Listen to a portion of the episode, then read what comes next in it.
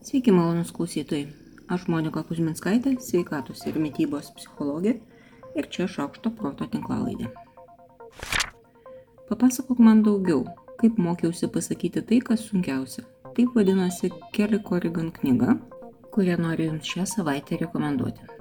Žinau, kad apie tai jau sakiau, bet absoliučiai dažniausia pirma frazė susitikus pirmą kartą būna nežinau nuo ko pradėti. Nors Šis posakis atrodo paprastas, bet jo gale didelė, kartais jis net neleidžia ateiti iki efektyvios pagalbos. Kai pats savo galvoje sakai, tai ką aš dabar nuėjus sakysiu, tai skamba su grėsmingu aidu. Labai tikiuosi, kad tokios istorijos bus tai, kas padės suprasti, jog grėsmingas aidas tik regimybė, o iš tiesų tai gana lengvai peržengiamas barjeras. Gero skaitimo. O po to, jeigu ką, susitikim. Tūkstantis dienų sveikos mytybos pagrindams. Taip vadinasi vienas iš mano senesnių, ilgesnių įrašų, kurį noriu pakartoti. Vienas tyrimas, kuris sužavėjo savo tiesių šviesių požiūrį į tai, kad sveika mytyba prasideda nuo pat pirmo pieno gurkšnio. Minimas tūkstantis dienų prasideda dar anksčiau, su lyg neštumo pradžia. Trumpos, aiškios ir paprastos žinios apie tai, kas yra sveikas ir tinkamas elgesys, yra tolimesnio mūsų elgesio pagrindas. Remdamėsi tokiamis žiniomis priimame galybę mažų sprendimų, kurie susideda į visai nemažas pasiekmes mūsų sveikatai. Kiekvienas geras sprendimas prasideda nuo žinojimo, kodėl jis reikalingas. Tai štai jums keletas argumentų. Svarbu ir būsimos mamos, ir būsimo tėčio mytyba. Ji turi būti subalansuota. Jeigu kas jau užmiršo apie tai, kas tai yra, tai maiste turi būti ir angliavandenių, ne cukraus, o grūdų, daržovių ir vaisių pavydalų, ir baltymų, ir riebalų. Mytyba turi būti subalansuota iki neštumo pradžios ir neštumo metu. Viršsvorį turintys tėvai turėtų pasirūpinti ir sureguliuoti savo svorį iki pastojimo. Iki gimimo ir ankstyvajame amžiuje vaiko kūno matmenis yra pagrindinis būdas stebėti vaiko augimą. Jokie kiti lyginimai su kitais vaikais nėra tinkami. Rekomenduojama kūdikį maitinti tik mamos pienu nuo gimimo iki 6 mėnesių. Patariama vaiką su kitokiu maistu supažindinti tarp 4 ir 6 mėnesių amžiaus. Tačiau iki pat vienerių metų mamos pienas turėtų likti pagrindiniu vaiko maistu. Supažindinti reiškia duoti paragauti. Vieną kasnį likęs maistas turi būti pienas. Vaiką su vaisiais ir daržovėmis reikėtų supažindinti anksti, Geriausios strategijos, kai vaikas atsisako ragauti, yra kasdienė įvairovė. Įvairūs maistas vienoje lėkštėje ir pakartotiniai bandymai. Pakartotinimai ne 2-3 kartus, o 8-10-12 daug kartų. Maistą reikėtų siūlyti, o ne versti valgyti. Negalima sakyti net suvalgink bent vieną kasnelį, tai jau yra prievarta. Pasiūlyk, paragauk, rodykit, kaip patys skaniai valgot ir viskas.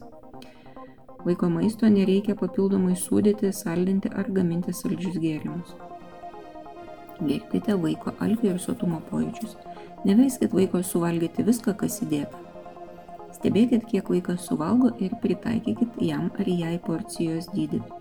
Nenaudokit maisto kaip apdovanojimo. Šitą norėčiau rašyti didžiosiom raidėm visur, kur tik pasiekiu. Nenaudokit maisto kaip apdovanojimo. Ribokite gyvulinių baltymų kiekį vaiko maiste. Mamos pienas yra vertingesnis už karvės pieną iki pat 3 metų.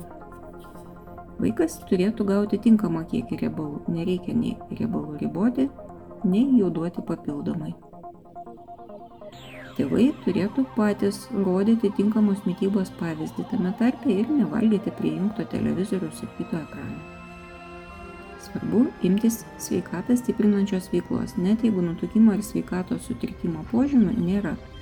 Tai konkrečiai reiškia skatinti fizinį aktyvumą ir pakankamą miego trukmę. Per trumpas miegas yra didesnės nutukimo rizikos veiksnys.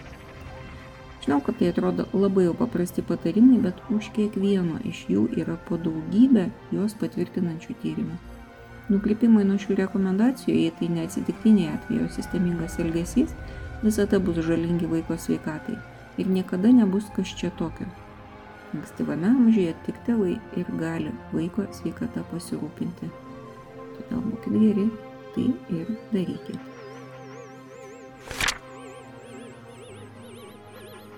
Kompiuterinių žaidimų stebėjimas yra vienas iš greitai populiarėjančių skaitmeninio turinio formatų. Kažkas žaidžia, paprastai geriau negu vidutinis žaidėjas, ir internetu transliuoja savo žaidimą. O stebėtojai žiūri, kartais komentuoja ar palaiko, kartais ir nedaro nieko daugiau, tik stebi. Viskas kaip ir būtų panašu į tradicinį sportą. Panašu ir todėl, kad ir šiame turinyje atsiranda reklamos, specifiškai maisto ir gėrimo reklamos. Tyrimai rodo, kad tokiuose peržiūrose dažniausiai vyrauja energetinių gėrimų ir greito maisto demonstravimas arba reklamavimas. Šio konkretaus tyrimo rezultatai rodo, kad tie paaugliai, kurie prisimena, jog matė gėrimus arba maisto žaidimų transliacijose, gerokai dažniau perka šios produktus. Na ir be abejo kaupia neigiamą poveikį savo sveikatai nebent turėjo iš ankstinį neigiamą požiūrį į juos, į tuos maisto produktus. Na, bet paaugliai jo paprastai neturi. Kaip ir norėtų sakyti dar viena ne nieko tokio situacija. Tai kaip mes jaučiamės, nuspalvina viską aplink mus ir viską viduje. Na gerai, iš tiesų tik mūsų suvokimą apie viską aplink, tačiau remdamėsi tokia nuspalvinta informacija keičiame ir savo veiksmus. Pavyzdžiui, Mamos, kurios patiria daug streso, dažniau netinkamai kontroliuoja savo vaiko valgymą. Na, pavyzdžiui, verčia valgyti, o jų vaikų kūno masės indeksas būna didesnis. Mamų, kurios patiria depresiją, vaikų kūno masės indeksas būna reikšmingai mažesnis. Čia tyrėjai teigia, jog jos kaip tik per mažai kontroliuoja savo vaikų mytybą. Ne, aš turbūt ir sakyčiau, ar jie rūpinasi iš viso. Logiška, nerimas verčia viską aplink kontroliuoti, o depresija nuo visko pasitraukti. Ir vaikų mytyba čia yra neišimtis. Na, bet iš karto tokia mintis nešauna. Neatrodo, kad mūsų pačių vidinės būsenos gali būti ir mūsų vaikų sveikatos priežastis. Telefonas yra tik įrankis. Ką mes su juo veikiame, tai ir turi pasiekmes. Todėl nereikėtų iš karto pulti telefono ir versti jos demonais, tuo pačiu nekaltai sakant, kad kažkam neįmanoma atsispirti. Tarkim, šio tyrimo rezultatai rodo, jog siūsti asmenės žinutės yra labai geras būdas palaikyti glaudesnius santykius su draugais, nepriklausomai nuo šalies ar kultūros. Ar amžiaus, nors poveikis ir silpnesnis vyresnių žmonių grupėse. Gali būti, kad tai svarbiau ten, kur žmonės kultūriškai dažniau laiko save visuomenės dalimi negu nepriklausomų individų, na, bet tam reikia daugiau tyrimų.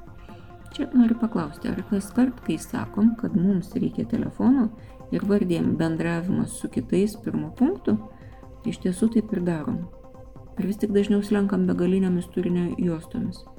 Na, nes bendravimas akivaizdžiai padeda jaustis geriau ir tada statistikoje neturėtumėm matyti tokio stipraus telefono demonizavimo.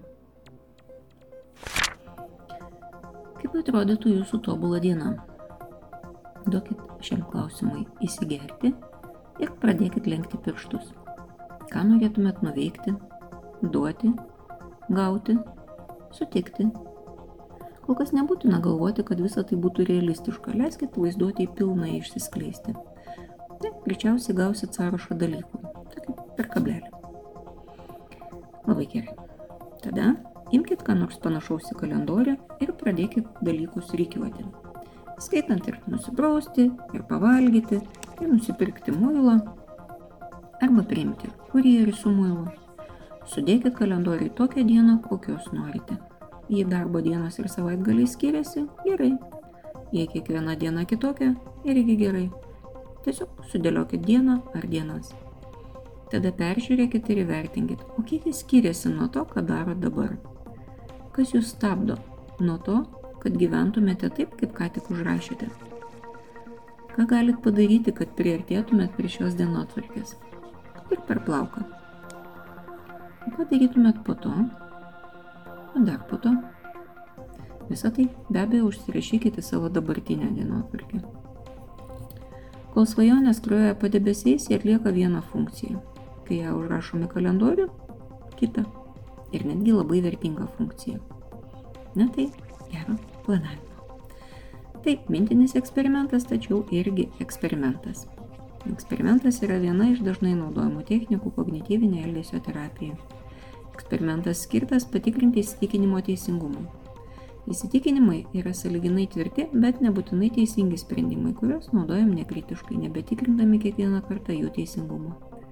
Klaidingi įsitikinimai gali metų metais mus vesti neteisingų kelių, taip ir nesuprantant, kas su manim, ar su kitais, ar su pasauliu yra negerai.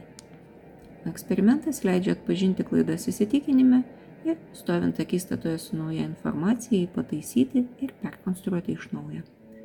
Jei eksperimentuojate, pasidalinkite, prašau, savo patyrimais. Bus labai įdomu ir visiems naudinga. Šiai savaitė tiek. Aš Monika Kuzminskaitė, sveikatos ir mytybos psichologė, padedu spręsti kasdienius ir sudėtingus elgesio, mąstymo ir emocijų klausimus. Rašau, skaitau paskaitas, teikiu psichologinės konsultacijas. Mane rasit socialiniuose tinkluose vardu Šaukštas Proto arba gyvai Vilniuje Goštalto gatvėje. Rašykit man asmeninę žinutę socialiniuose tinkluose arba elektroniniu paštu adresu šaukštas.proto atgmail.com. Taikos ir ramybės.